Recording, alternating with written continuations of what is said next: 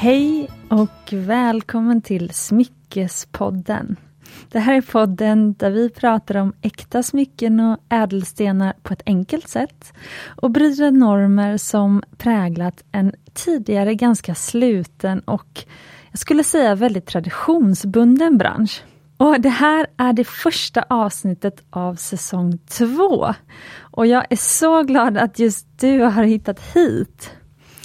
Jag vill säga att du behöver inte ha lyssnat på något avsnitt ur säsong 1 för att komma in i gänget, utan nu är du en del av oss.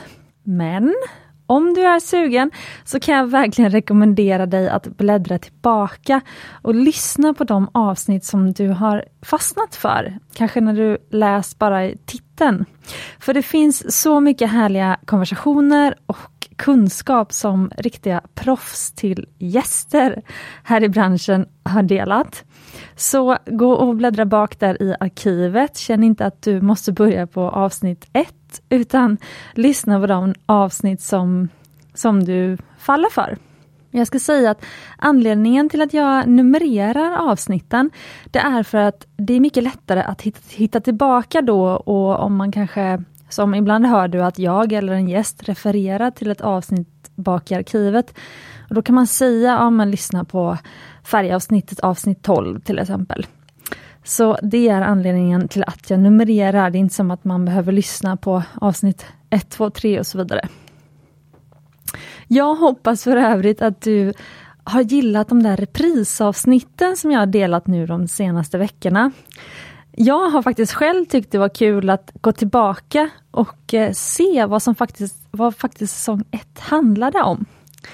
Och det har också hjälpt mig att fundera lite mer på säsong 2. Och jag tänkte faktiskt nu ägna det här avsnittet, säsongstarten kan man säga, åt att reflektera bakåt på just första året med Smyckespodden och varför jag startade den. Hoppas att du tycker att det låter spännande. Jag tänkte också passa på att dela lite vem jag är för er nytillkomna lyssnare och hur det kommer sig att jag hamnade in i smyckesbranschen och faktiskt startade ett smyckesmärke. Och även en smyckespodd ska jag säga. Och hur det kommer sig att jag faktiskt har börjat älska den här branschen. Och varför jag faktiskt tycker att andra branscher kanske borde inspireras lite mer av den. Och sist men inte minst så tänkte jag såklart dela hur jag ser på det här kommande året med Smyckespodden. Hur kommer säsong två se ut? Den andra säsongen som inleds nu idag med avsnitt 51 som du lyssnar på nu.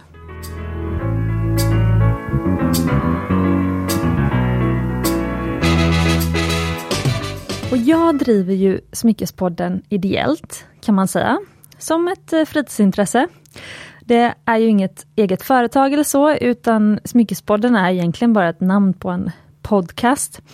Och så betalar jag inspelningsstudion och klipparen i min egna ficka varje vecka i princip. Men hela mitt intresse av att faktiskt starta en smyckespodd för just precis ett år sedan, det kom av att jag jobbat de senaste sju åren i branschen. Jag driver ett eget smyckesmärke med fokus på just guldsmedsvaror, äkta smycken. Just nu använder vi inte ens silver. Vi har inte gjort det de senaste fem åren. Vi gör bara guldsmycken och platinasmycken. Men vem vet, vi kanske börjar med silver igen. Och så använder vi diamanter och massa färgglada ädelstenar. Och under de åren som jag har drivit upp det här smyckesmärket, som för övrigt heter Mumbai Stockholm, då har jag märkt att det finns så många oskrivna regler, både bland de som gör äkta smycken och bland kunderna som köper dem. Och det är så mycket som man så att säga får och inte får göra, ihop med att det faktiskt finns väldigt lite kunskap att hämta för den som vill lära sig mer, som du och jag. Och Jag har delat det någon gång förut i podden, men om man går in på ja, men vilken typ bokaffär som helst, även online, så kan man nästan inte hitta en enda svensk bok där det står om grunderna i ädelstenar och diamanter, hur man ska tänka när man ska köpa äkta smycken till sig själv eller någon annan, hur man ska ta hand om de smycken man har hemma, vilka ädelstenar som håller bäst, hur kombinerar man smycken till en eh, snygg helhet och vad ska man göra med smycken man inte tröttnat på? Alltså vi alla vet ju att man inte slänger ett, ett guldarmband i metallåtervinningen. Det är ju total värdeförstöring. Så vad gör man då med de smycken som man tröttnat på? Kläder till exempel, det ger man ju bort eller återvinner, i alla fall gör jag det. Och med tanke på klädkedjornas nya, i princip på varenda klädkedja, så kan man nu gå in och återvinna sina gamla plagg. Så jag tror att många andra gör precis som jag. Och man kan ju såklart också sälja kläder. Men vad gör man med gamla smycken? Och det vet ju faktiskt du som lyssnat på säsong 1 av podden. För vi har ju pratat om det i flera avsnitt. Det är ju ett ämne som många frågat om. Men i alla fall så har jag känt att det inte finns något härligt forum för smyckesintresserade och oss som vill lära oss mer.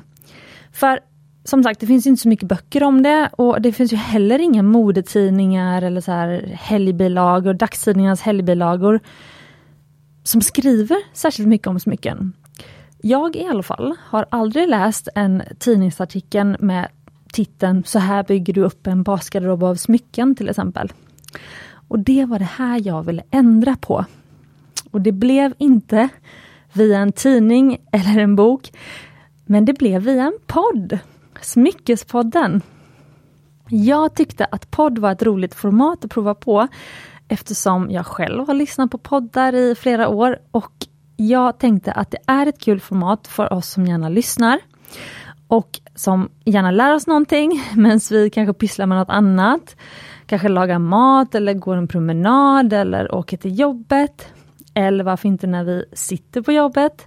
Jag har faktiskt fått meddelande från flera guldsmeder som säger att de sitter och lyssnar på Smyckespodden när de sitter vid sin bänk. Det är ju hur härligt som helst. Men sen är det också det att det, jag tycker att det fina med just en podd, det är att man kan publicera det helt själv. Alltså om man skriver en bok så behöver man ju ett eh, förlag till exempel. Och om man vill skriva artiklar, till exempel om jag skulle vilja skriva den här artikeln, hur bygger man en basgarderob av smycken? Då måste jag ju få någon modetidningsredaktör eller chefredaktör på en sån här tidning att ge mig det uppdraget. Men det behövde jag inte med podd, för jag behövde bara boka inspelningsstudio och sen så gå dit, spela in och några dagar senare så kunde jag släppa första avsnittet av Smyckespodden. Och det var ju en sån härlig frihet. Och på den vägen har det faktiskt fortsatt. Så nu sitter jag här i samma studio igen. Den har bytt adress sedan jag började. Men samma studio, samma klippare och det är så kul. Och en av de grejerna som jag bestämde mig för tidigt med Smyckespodden, det var att den inte skulle handla om mig och märke just nödvändigtvis, utan jag vill att den här podden skulle vara en röst som kan få tala för många i branschen. Och därför vill jag också att den skulle heta Smyckespodden så att så många som möjligt skulle kunna hitta den och även kanske faktiskt vilja vara med i podden. Och från starten så har jag bjudit in olika gäster som har olika expertis inom guldsmede, ädelstenar, personal jewelry shopping, smyckesvärdering, smyckeshistoria, auktioner, trendspaningar och så vidare. och så vidare. Och ni som har lyssnat på säsong 1, ni har ju hört om alla de här avsnitten. Och jag vet att det är många av er som har älskat just avsnitten med gäster. Och det är ju så kul, för det har jag också gjort. Jag ska inte eh, avslöja riktigt än vad säsong två kommer handla om, men såklart så kommer vi ha massa gäster. Men sen i podden så gillar jag också att liksom dela mina personliga erfarenheter såklart, för att när jag själv blir inspirerad av andra människor så är det ju ofta att de delar sina personliga erfarenheter.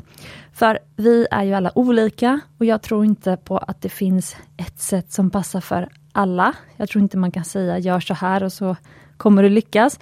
Men däremot så är det ju väldigt kul att ta till sig andras perspektiv och höra vad gick de för väg och sen kan man liksom bygga sin egen väg. Så därför så är ju också podden, eller har blivit som ett eh, som en ventil för mig också, att få dela mina tankar och känslor kring smycken och driva företag och designa smycken och kreativitet och allt sånt där. Och det har jag också upplevt att många av er har gillat, så det kommer jag förstås då också fortsätta med. Och man behöver inte hålla med om allt det som jag eller gästerna säger, men det roliga är ju bara att få dela sina tankar och åsikter. Men jag ska säga att det är faktiskt väldigt skönt för mig, och även så har en del gäster sagt det när kameran varit av eller mikrofonen varit av, att det är väldigt skönt att kunna reflektera i en podd med er, oss, som delar samma intresse. För, tro det eller ej, men jag har faktiskt väldigt få människor i min egen närhet, eller liksom bland mina vänner och så, som jag varken kan eller vill prata smycken med. Mina kompisar har ju helt andra intressen än smycken. Och på jobbet så visst, man kan prata med kollegor, men då handlar det väldigt mycket om det här liksom dagsarbetet, vad man gör varje dag och hur man liksom ska driva företaget framåt. Men i podden, då får vi verkligen chans att grotta ner oss i smycken. Både jag och gästerna och förhoppningsvis du som lyssnar. Men då får vi liksom chans att grotta ner oss i smycken som intresse. Och det blir som sagt en väldigt skön ventilation. Och sen som sagt, du som lyssnar kanske håller med eller håller inte med om allt som jag eller gästerna tycker och tänker. Men det är ju inte det viktiga, utan det som är kul är ju just att dela erfarenheter och tankar. Och jag ska säga att jag har i flera avsnitt bett om eh, att du som känner att du tänker någonting när du lyssnar på podden, så har jag bett om röstmemos, alltså att ni ska skicka in, man kan, eh, man kan ju, om man till exempel ska skicka ett eh, DM på Instagram, ett personligt meddelande på Instagram, då kan man ju klicka på mikrofonknappen och spela in röstmemot istället för att skicka det som ett personligt meddelande. Och det skulle vara väldigt kul, för jag skulle gärna dela röstmemot från er i podden. Så att jag säger det igen, du som vågar skicka in så kan du delta i konversationen. Men ni är väldigt flitiga i just DM ska jag säga på Instagram. Och jag tycker att det är så himla kul när ni skriver där och reflekterar över saker som ni hört i podden, så fortsätt gärna med det. Men, vem är då jag som pratar? Du som är nytillkommen lyssnare kanske är sugen på att veta mer och kanske även du som redan har lyssnat i flera avsnitt. Du kanske också vill veta mer, vad vet jag? Men jag heter Cecilia.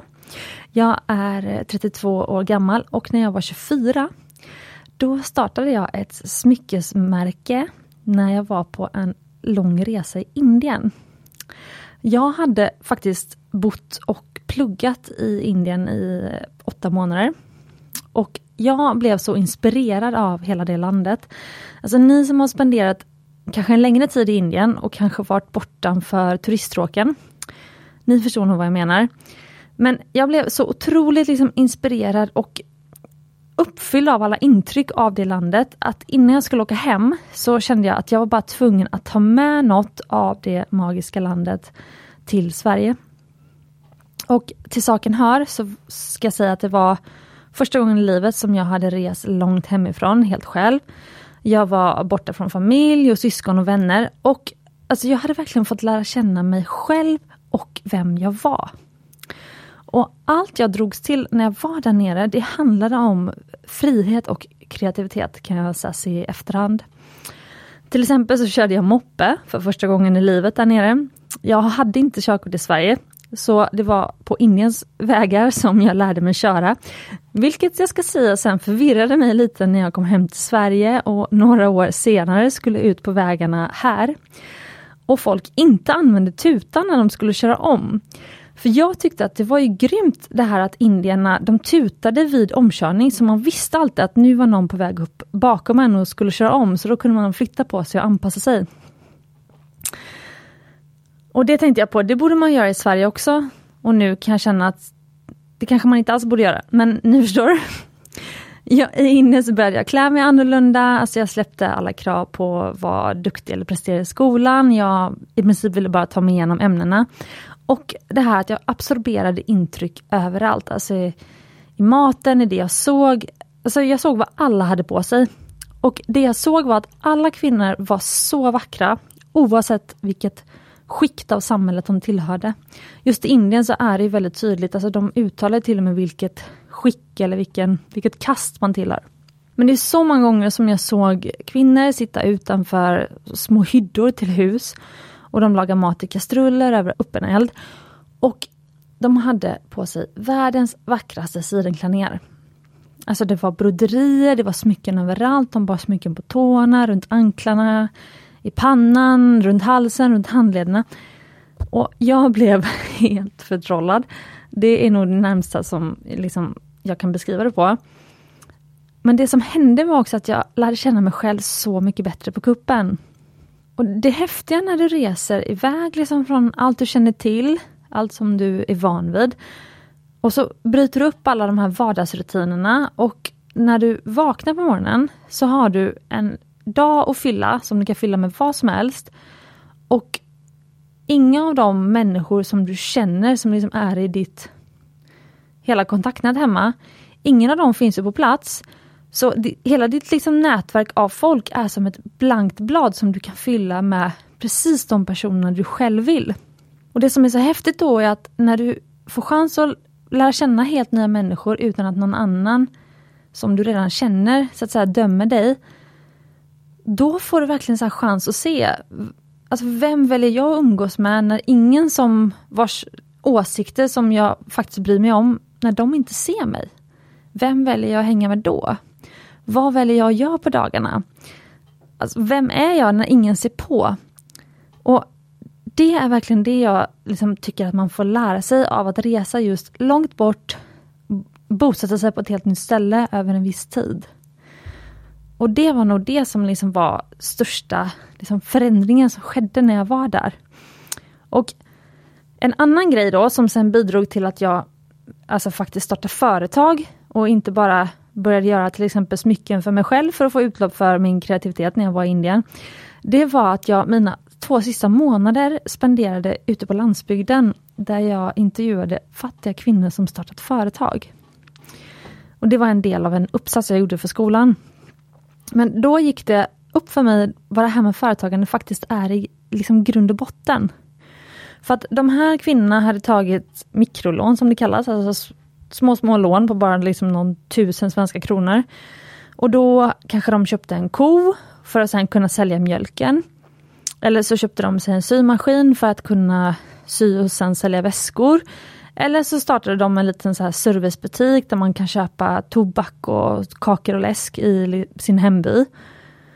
Och deras enda mål, liksom vad, vad som var om de hade lyckats eller inte, det var om de lyckades sälja sina produkter lite dyrare än vad de kostade att göra. Och sen leva på vinsten och så betala av sitt lilla lån då. Och bidra till sin familj. Men då tänkte jag bara, ja okej okay, det här är ju så enkelt. Varför har ingen sagt det här till mig innan? Svårare än så är det inte. Och jag ska säga, då hade jag gått fem och ett halvt år på en ekonomiutbildning här i Stockholm. Och där kan jag säga, där beskrev man företagande som att ha en affärsplan och olika Excel-dokument. Det var att driva företag. Men sen så då när jag hade hittat den här silversmeden som för övrigt drev en silversmedja i ett eh, turistkvarter i Varanasi som är så den här heliga staden. Och så plötsligt hade jag en egendesignad ankellänk i silver runt foten som han hade gjort till mig. Då var min första tanke, kanske någon mer där hemma i Sverige vill ha. För jag kommer ju hem om tre veckor. Om jag säljer några smycken till kompisar som vill ha där hemma nu innan jag åker, då får jag ju råd att göra ännu fler smycken och så kan jag ha med mig en lite större kollektion hem. Precis som de där kvinnorna liksom tänkte. Och precis så blev det. Så då la jag ut, alltså direkt när jag, hade, när jag stod i hans silversmedja, han hade ju wifi där inne. Men då la jag ut en bild på mitt privata Instagramkonto. Och det här var ju 2014, det var när Instagram var relativt nytt. Men, och så frågade jag om någon ville ha en ankarlänk från Indien som jag hade designat och då fick jag direkt kommentarer från sju tjejkompisar att de ville köpa en ankelänk. Och då hade jag ju redan en liten, liten vinst att göra lite fler smycken av. Och sen slutade det faktiskt med att jag spenderade i stort sett mina tre sista veckor i Indien i den här mannens silversmedja. Och med mig hem så hade jag sedan en kollektion på, jag tror att det var 14 smycken. Det var ett gäng ankellänkar, några armband och sen så några tåringar. Och då hade jag även redan registrerat firman från hotellrummet i Indien. Och jag hade startat Instagramkontot Mumbai Stockholm och så hade jag faktiskt fått mina första ordrar där. Jag hade skrivit i Instagram-biografin att om du vill lägga en order så kan du mejla den här mejladressen. Där hade jag fått några ordrar. Men efter det här så var jag helt hooked. Alltså när jag kom hem till Sverige så började jag som lärling hos en guldsmed i Katrineholm. Då tar man tåget en timme utanför Stockholm. Och ni som har lyssnat på avsnitt 46 av Smyckespodden som heter Att vara en stor guldsmed i en liten stad med Johanna Garmland. Ni vet hur den här storyn gick till och vill du höra så gå in och lyssna på det avsnittet. Vi började göra alla Mumbai-smycken i hennes studio. Och efter det så har Mumbai vuxit. Nu är det snart åtta år sedan och vi har sex studios som vi gör Mumbai-smycken i, i Sverige. Utav helt återvunnet guld ska jag säga. Men det var i hennes guldsmedja där våren 2014 som jag började lära mig allt om branschen. Och jag ska säga att det är sjukt mysigt att sitta i varsin bänk bredvid varandra, fila på smycken och så småprata om allt möjligt. Och så då och då så blir man avbruten av kunder som kommer in och delar sina historier. Det är ju så väldigt personligt med smycken. Och nästan alla kunder som kommer in, de har en anledning till att de kommit för att köpa eller göra om ett smycke just nu. Och det var där i Johannas studio som jag började lära mig om diamanter och ädelstenar. Jag fick veta det här att allt guld som cirkulerar i Sverige är återvunnet. Och därför ska man helst bara köpa smycken som är gjorda i Sverige. Och jag fick också se hur den här typiska smyckeskunden var och såg ut och vad den levde för liv. Och sen i takt med att mitt eget märke växte och så lämnade jag rollen som lärling i ateljén. Jag insåg att guldsmed var inte det jag skulle kunna bli om jag skulle hinna börja betala av studieskulder från sex års ekonomistudier. Då fick jag fokusera på att lära mig så mycket jag kunde om hur man säljer smycken istället för hur man gör dem. Och jag började lära mig om hur man faktiskt driver ett smyckesmärke. Och i takt med att jag byggde ett team av fantastiska guldsmeder och steninfattare runt mig, så insåg jag också själv hur hela smyckesbranschen faktiskt är uppbyggd. Och jag kan faktiskt avslöja en sak till dig som lyssnar. Om du vill leva gott på att driva ett eget smyckesmärke, då räcker det att fokusera på att bara designa förlovnings och vigselringar. Möjligtvis studentpresenter och kanske presenter för morgongåvor och årsdagar också. Kan slänga med lite diamantörhängen så har du det fixat. Men då har du täckt en stor del av marknaden och kan leva ganska gott på det. Och jag tror faktiskt att det är anledningen till att äkta smycken ser ut som de gör idag. På kedjorna på stan men även på de här riktigt fina juvelhusen. Alltså I princip så är smyckena gjorda i guld, möjligtvis platina och diamanter. Och det mesta är ganska likriktat i designen och lämnar inte jättemycket för att vara personlig och uttrycka sin egen stil. Vill du vara personlig och liksom få uttrycka din egen stil genom smycken, då får du ofta gå till en av de här liksom personliga guldsmederna som driver sin egen smedja. De kan ju ibland vara svåra att hitta. Men hittar man liksom sin guldsmed, som Johannas kunder hade hittat henne, då blir man ju ofta stammis under många, många år. Alltså kanske hela sitt liksom smyckesliv. Och jag vet att bland de guldsmeder som jag känner, så alltså de älskar ju sina stammisar. De får följa sin kund genom livets olika händelser som de markerar med olika smycken och de får vara fria i sin design för kunderna litar på dem. Men för de allra flesta människor ute på stan där ute, då är äkta smycken, alltså smycken som är gjorda i ädla metaller och med ädla stenar, i princip bara skapade för att vara kärleksgåvor. Alltså de flesta tjejer bär sin första ring när de förlovar sig, sin andra ring när de gifter sig och sen kanske de får sina första diamanterhängen i morgongåva. Alltså den presenten som många kvinnor framförallt får på morgonen före bröllopet. Skulle vara kul om också männen fick det, men traditionen är det här. Och sen får de sitt första diamanthalsband, kanske som pushgift eller mammagåva, när de föder sitt första barn. Och de här smyckena vill ju man ju såklart ska vara så klassiska som möjligt. De ska man ju bära varje dag. Så inte så konstigt då att så många smycken ser så lika ut. Alltså oavsett vilken butik du går in på.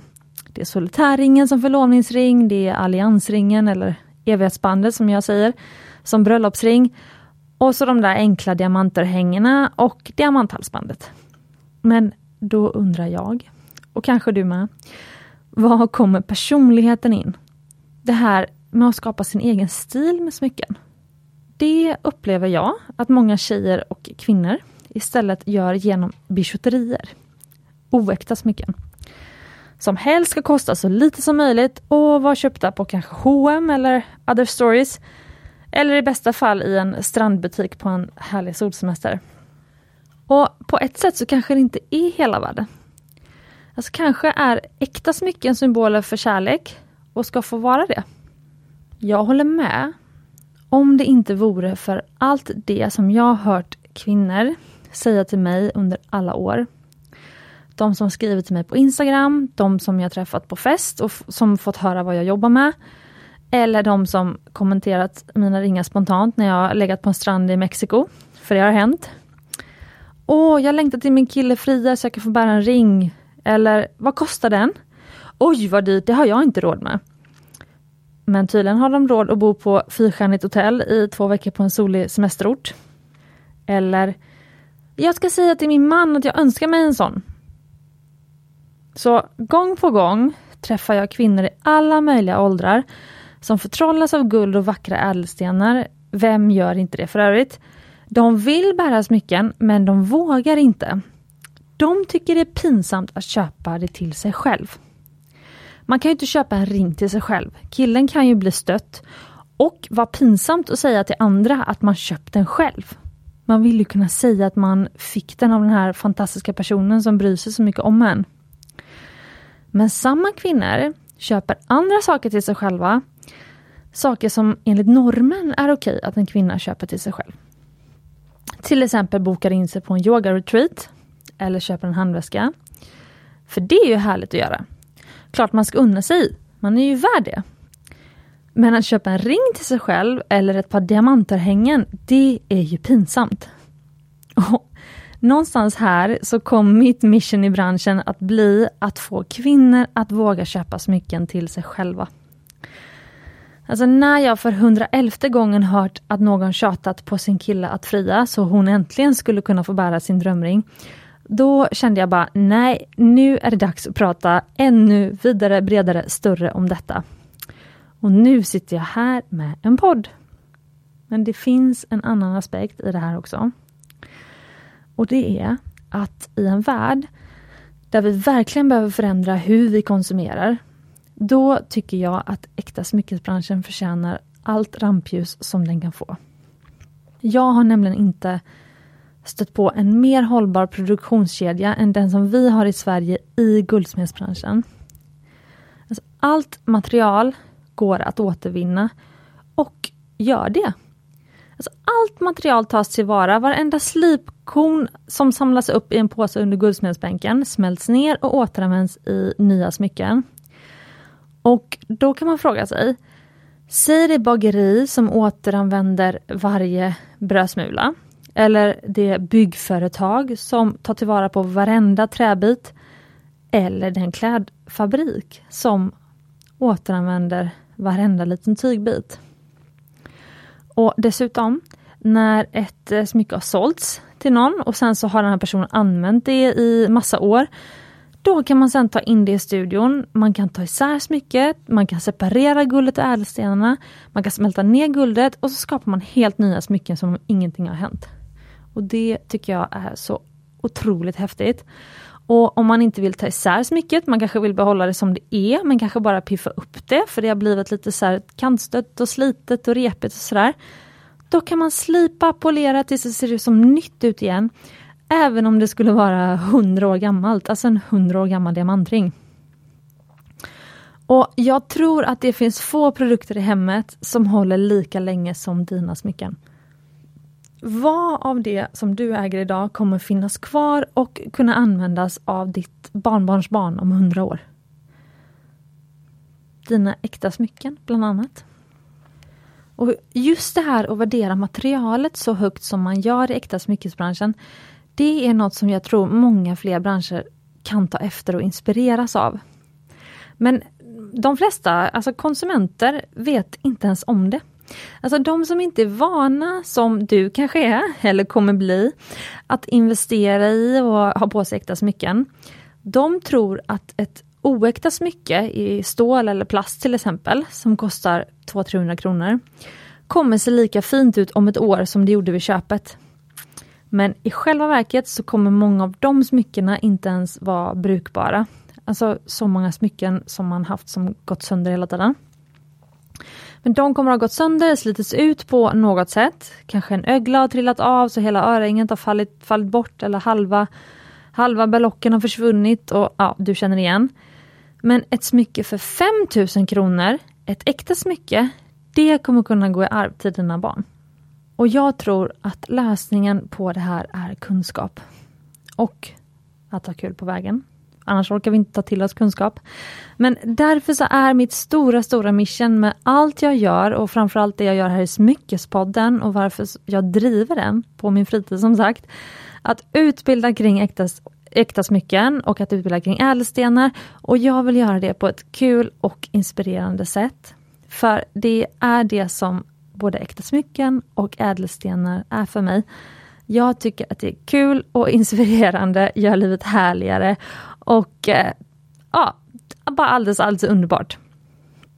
Jag tror ni är fler med mig som tycker så här. Men jag skulle vilja dela ett personligt meddelande som jag fick på Smyckespoddens Instagram under jul och nyårshelgen. Och Det var från en tjej som har lyssnat ganska länge på podden och hon skriver så här.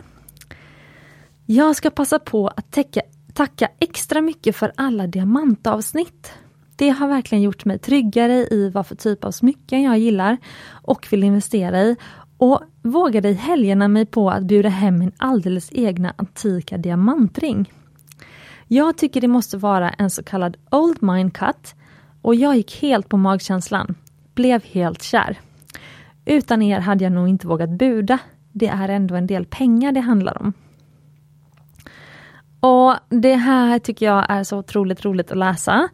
Och det känns faktiskt extra roligt att få det meddelandet efter att hela säsong 1 har spelats in.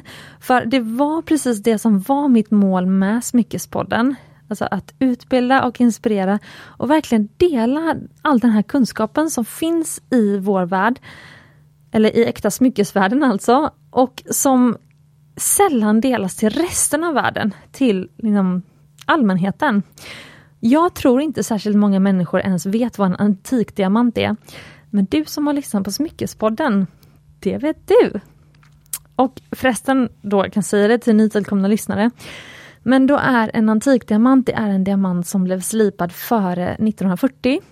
Vilket var då före alla professionella verktyg och den här perfekta laserskärningen uppfunnits. Så antikdiamanterna är ofta mer unika och har en mer charmig glans tycker många, än vad nya diamanter med så att säga perfekt slipning, färg och klarhet har. Och Det som är med antikdiamanter är att du kan få en miljövänlig, helt äkta diamant till en mycket billigare penning än de nyslipade. Alltså de moderna diamanterna som slipas på senare år och som utgör alltså 90% av alla smycken som säljs idag. De är ofta ganska dyra, de är så att säga perfekta, de har väldigt hög klarhet och färg. Men antikdiamanterna är alltså något helt annat, tycker många. Fastän det är gjort av precis samma material. Och det man faktiskt började göra för några år sedan, det var att man tog de här gamla diamanterna som slipas för länge sedan, det som vi idag kallar antikdiamanter, och slipade upp dem med, eh, alltså i de sliperierna där man slipar moderna diamanter, så då blev ju de moderna istället. Men nu har man alltså lärt sig att ta tillvara på den här gamla patinan så att säga, som den gamla slitningen ger och så behåller man dem som de är och bara sätter i nya smycken. Så får du tag på en antikdiamant, grattis! Men att dela kunskap och eh, inspiration, det är förstås det som jag vill fortsätta med nu i säsong två. En hel del gäster från förra säsongen kommer återkomma. Vi kommer fortsätta prata både auktioner och smyckesvärdering och gamla smycken. Hur blir man grym på att fynda begagnat och på auktion till exempel. Men vi kommer också prata om moderna klassiker. Vilka är de där smyckena som man borde spara till och som aldrig kommer gå ur tiden? Vi kommer fortsätta prata om basgarderoben av smycken. Finns eh, motsvarigheten till jeansen, pumpsen och den vita t-shirten för smyckesgarderoben kanske? Hint hint, såklart. Vi kommer prata om hur man stackar och kombinerar olika smycken tillsammans, till exempel hur får man en snygg ear stack? Alltså att ha många hål i öronen och bära olika smycken i varje hål så att det ser snyggt ut. Hur gör man det? Hur bär man många halsband samtidigt utan att de trasslar ihop? Hur går man vidare med sin ringstack som man kanske började på förra året? Hur raderar man en tredje eller fjärde ring så det ser snyggt och harmoniskt ut? Jag kommer bjuda in fler guldsmeder och eh, smyckesdesigners som driver andra varumärken. Sen ska jag säga att ofta är det faktiskt svårt att få gäster att komma till podden. Jag vet inte om det är att poddformatet känns läskigt, men jag fortsätter att tjata på mina branschkollegor att komma till podden, så håll gärna tummarna för att jag lyckas. Och så kommer jag fortsätta med de avsnitten som går under det här epitetet profil, där jag bjuder in människor utanför smyckesbranschen som får berätta om sina personliga smyckessamlingar och dela inblickar i deras liv. För smycken är ju så personligt och jag tycker att det är roligt att prata med dem som faktiskt bär smycken. Alltså hur kommer det sig att man har samlat på sig just de smyckena i livet? Hur hittar man sin stil och smak? Och äkta smycken handlar ju mycket om det, att vara så pass säker i sin stil och sin smak och på sig själv att man vågar investera. För precis som den här tjejen skrev så handlar det ofta ändå om en betydande summa pengar. Och så kommer vi såklart lära oss ännu mer om ädelstenar och diamanter. Vi, en sak som jag funderar på faktiskt är att ha temaavsnitt om vissa ädelstenar. Om ni vill det. Till exempel skulle vi kunna ägna ett helt avsnitt åt att prata om akvamariner om man vill det, eller turmaliner. Men skriv gärna i så fall vilka ädelstenar som ni helst vill att eh, jag och förhoppningsvis en gäst pratar om. Skriv till Smyckespoddens Instagram där vi heter Smyckespodden. Men sen så kommer jag också fortsätta prata om ett av mina favoritämnen som handlar om kreativitet. Jag har ju även haft en serie i podden som jag kallar Mitt liv som smyckesdesigner. Och där släppte jag under säsong ett ett antal avsnitt som handlar om hur jag tänker när jag designar smycken, hur jag hittar min kreativitet och mina bästa tips för att bli kreativ och faktiskt lycklig. För kreativitet handlar ju väldigt mycket om att lära känna sig själv och våga släppa kontrollen. Att lita på något som är större än dig. Och det är ju faktiskt det som det handlar om, tycker jag, när det gäller att bygga en smyckeskollektion med. För i slutändan så kan man inte tänka ut vilket smycke som är rätt. Utan man måste våga lita på magkänslan och bara köra. Och inte vara så rädd om det blir fel. Och sist men inte minst så kommer vi förhoppningsvis beröra en del lite djupare ämnen i podden som jag just nu håller på att förbereda faktiskt. Men kan inte riktigt dela än. Så to be continued. Men med det sagt så hoppas jag att ni ser lika mycket fram emot den här nya säsongen som jag gör. Ni får väldigt gärna skriva till mig på Instagram, där vi heter Smyckespodden som sagt. Och vill ni följa mig lite mer personligt så heter jag The Jewelry Designer på Instagram. Och kom jättegärna med förslag på teman och gäster, kom med feedback, positiv och konstruktiv. Eller bara ställ frågor som ni vill att jag svarar på i podden. Jag har gärna, avslutar gärna ett avsnitt, eh, eller varje avsnitt helst som jag hade fått så mycket frågor, men med lyssnarfrågor. Så det tycker jag är roligt. Och jag kan säga att jag är så glad att vara tillbaka i poddstolen. Det kändes lite ovant. Men eh, jag hoppas att eh, ni har tyckt det var kul. Det blev ett lite längre avsnitt det här faktiskt än vad jag hade trott. Men så är det, jag var så taggad på att dela allt och alla tankar. Hoppas att ni uppskattar det. Och så vill jag säga att du ska ha en fantastiskt härlig helg. Sprid Smyckespodden till din bästa vän och glöm inte, du är värd äkta smycken.